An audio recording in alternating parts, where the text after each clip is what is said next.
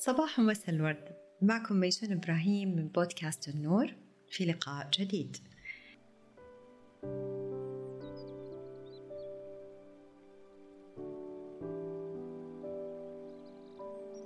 في عام 1954 ولدت طفلة آه، ببشرة ملونة زي ما بيسموها في ميسيسيبي الولايات المتحدة آه، يعني بشرة سمراء. آه وكانت هذا أول سبب وظرف حقيقي إنها تكون إنسانة فاشلة في المستقبل لأنه غير مرحب بذوي البشرة السمراء في الولايات المتحدة في ذاك الوقت. أمها كانت عاملة آه، في المنازل. والدها كان حلاق بسيط وكانوا يدوب يدوب يلاقوا أكل اليوم الواحد. فبالتالي هذا كان السبب الثاني والظرف الثاني اللي يخلي حياتها أتعس في المستقبل. آه بعد عمر الست سنوات أمها وأبوها كان في بينهم مشاكل جدا كبيرة وانفصلوا وراحت عاشت عن جدتها. فكان هذا ظرف ثالث ومحوري أنه تكون حياتها غير ناجحة في المستقبل لأنه هي طالعة من أسرة مفككة. الحقيقة أنه الشخص اللي أنا بتكلم عنه في 2005 صنفت من التسعة الأوائل من أصل عشرين في الأكثر نفوذا في العالم.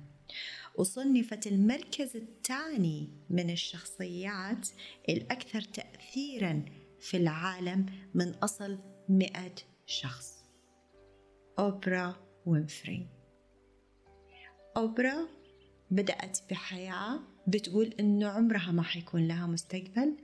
والآن في عام عشرين اثنين وعشرين عندها ما يقارب اثنين فاصلة ستة مليار دولار. واللي يحب يتأكد من عدد أرقام المليار الواحد عدد الأصفار حق المليار الواحد هي تسعة أصفار. فهي عندها اثنين مليار. اليوم آه، حلقتنا بعنوان بين الفقر والثراء. وجايين نناقش عدد أصفار المليارات. جايين نتكلم على كيف تنصنع هذه المليارات. حقيقة الفرق بين الفقر والثراء طريقة تفكير. الفقير بيشوف الحياة ألم لحظي أو متعة لحظية. يعني حنخلص بسرعة. بالنسبة للثري الحياة مراحل مستمرة للما لا نهاية. بالنسبة لعقلية الفقر كيف أعمل دخل أو مال عن طريق زيادة الجهد بزيادة عدد ساعات العمل؟ بالنسبة لعقلية الثراء عن طريق مضاعفة نتائج الساعة الواحدة من العمل. وخليني أعطيكم هنا مثال. يعني الإنسان لو كان مدرب مثلا في خلينا نقول نوع من أنواع الرياضات فبالتالي لما هو يروح يدرب كل ما درب ساعة فلنفترض أخذ عليها ألف ريال أو ألف درهم أو ألف وحدة مالية. لما يزيد عدد الساعات حتزيد دي الآلاف. لكن الثري ما بيفكر كده بيفكر أنه أنا ليش ما أسجل تدريباتي ودوراتي وأبيعها وأنا مرتاح؟ يعني أسجل ساعة وأبيع منها آلاف أو حتى ملايين النسخات. أعمل كتاب وأبيع منه ملايين النسخات. فبالتالي أنا بدل ما أخذ الألف على الساعة أخذ آلاف على نسخات من الساعة اللي أنا عملتها. العقلية عند عقلية الفقير بيفكر أنه الوقت هو تحصيل حاصل موجود وحيخلص. فخلينا بس يعني نخلصه بالشكل أي شكل. نضيعه وإحنا بنتفرج بنلعب يعني أي حاجة أي حاجة بس يخلص. بالنسبة لي الثري أو عقلية الثراء أو طريقة تفكير الأثرياء. الوقت أداة. لازم أفكر كيف أستخدمها وفي إيش حأقضيها. تمام. عقلية الفقراء بتشوف كل تحدي عائق.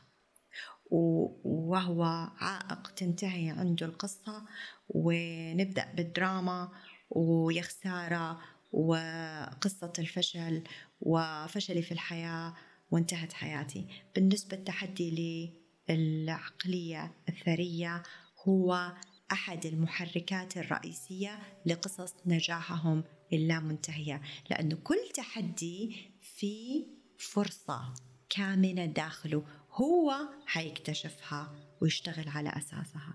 بالنسبة لعقلية وطريقة تفكير الفقر عندهم مصدر واحد للدخل بس وعادة حيكون من مجهودهم اليومي أو الشخصي أو عملهم اللي بيسووه هم بنفسهم حتى لو كان موظف. بالنسبة لي طريقة تفكير الثري لا أنا لازم أسوي عندي مصادر متعددة للدخل علشان لو ما نفع هذا ينفع هذا. ولازم تكون عندي الثروة شيء تراكمي. راح يجي كنتيجة. الثري بيفكر في المال هو نتيجة هو تحصيل حاصل للحلول اللي أنا دائما بأشوفها قبل الآخرين. لأن نسبة الأثرياء في العالم هي نسبة واحد فاصلة واحد بالمية من سكان العالم. فهم جالسين بيرتبوا تسعة بالمية من السكان الآخرين عشان يوجدوا لهم حلول حتى قبل ما يحتاجوها. يعني هم بيوجدوا الحل وبيوجدوا كمان عندك الاحتياج لذا الحل. هذه طريقة تفكير الأثرياء. بالنسبة لمشاعر الخوف عند العقلية الفقيرة هي نقطة الهروب وعدم العودة.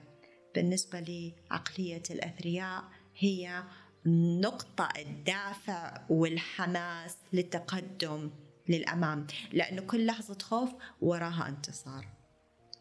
بالنسبة للنجاح لو صار ونجح اللي عنده عقلية الفقير بأي شكل من الأشكال. ووصل لنتيجة واعتبرها إنجاز. هنا الحمد لله صار عندي نهاية سعيدة أنهي فيها قصتي وخلصت كده رحلتي في الحياة. أما بالنسبة لعقلية الثري لا القصة هنا بتبدأ لأنه لكل بداية جديدة كان في نجاح سابق. عندهم قصص لا تنتهي وحتى بوفاتهم حياتهم لا تنتهي لأنهم بيتركوا أثر يفضل صدى مدى الحياة. راح تتكلم عليه الأجيال مدى الحياة. ستيف جوب توفى ولكن أبل دائما ما دامت البشرية. فبالتالي دائما عندهم أثر. آه كلما مروا قالوا مرة وهذا الأثر عقلية الثراء دائما بتترك آثار وراها. ما بتحتاج أنها تكون تحت الأضواء. عقلية الفقر دائما حابين أن يرضي غرورهم. هناك بيحبوا في الثراء أن يرضوا طموحهم. طموحهم لا نهائي. آه نهاياته عنان السماء. ما في له آه انتهاء. أما بالنسبة لعقلية الفقراء فدائما دائما عندهم نهايات للقصص وبيحبوا إنها تكون سريعة. وهنا أركز على قانون أخير بالنسبة لعقلية الفقر. القانون الرئيسي عندهم لو سمحت كل ما زاد دخلك زيد مصاريفك. كل ما زاد دخلك الله يخليك. كبر بيتك اشتري سيارة أغلى زيد عدد ساعاتك الموجودة في الدرج. معليش اشتري آه، أكرمكم الله آه، جزم أحذية أو شوزات من البراندات الغالية أوكي؟ وما عندك؟ عادي ما هو دخلك زاد فأنت تقدر تاخذ تمويل إضافي من البنك لأنه كل ما زاد دخلك البنوك تعطيك تمويلات أعلى بناء على دخلك. فكل ما زاد دخلك زود مصاريفك قد ما تقدر وزيد التزاماتك قد ما تقدر. هذا القانون مرفوض تماما في عقلية الثراء. كل ما زاد عندك تدفقك المالي زيد أصولك وممتلكاتك اللي تعمل لك دخل إضافي. بيفكروا في الثروة التراكمية لأنه آخر همهم إيش يقولوا علي الناس؟ إيش يفكروا فيا كم مرة لبست ده اللبس؟ شافوه المرة اللي فاتت عليا يعني إيش يقولوا على وحدة بتشتغل في المنصب الفلاني وعادت العباية أكثر من مرة؟ أو مو لابسة البراند الفلاني. يعني إيش يقولوا عني؟ إيش يقولوا لما أنا ماسكة شنطة ما حد يعرف إيش من وين ولا إيش اسمها؟ وهكذا. اللي صار إنه في تجربة عملوها بعام 1960 على أطفال بتتراوح أعمارهم من أربعة لست سنوات. والتجربة كانت بتقول أنه في غرفة فاضية فيها طاولة ومقعدين أو كرسيين. وعلى هذه الطاولة في آه، المارشميلو أو أي نوع من الحلوى آه، البسكوت أو الحلويات قطعة واحدة من الحلوى. تمام؟ محطوطة على الطاولة. الطفل بيدخل هذه الغرفة بيقولوا له أنت خلال 15 دقيقة إذا تحملت وما أكلت هذه الحلوى راح نعطيك حبتين فبالتالي راح نضاعف لك الجائزة. أو عندك الأحقية أنك تختار وتأكلها دحين فأنت حر. المهم التجربة انتهت طبعا بأنه في أطفال أكلوها الآن وفي أطفال استنوا ربع ساعة. وأكلوا الحبتين.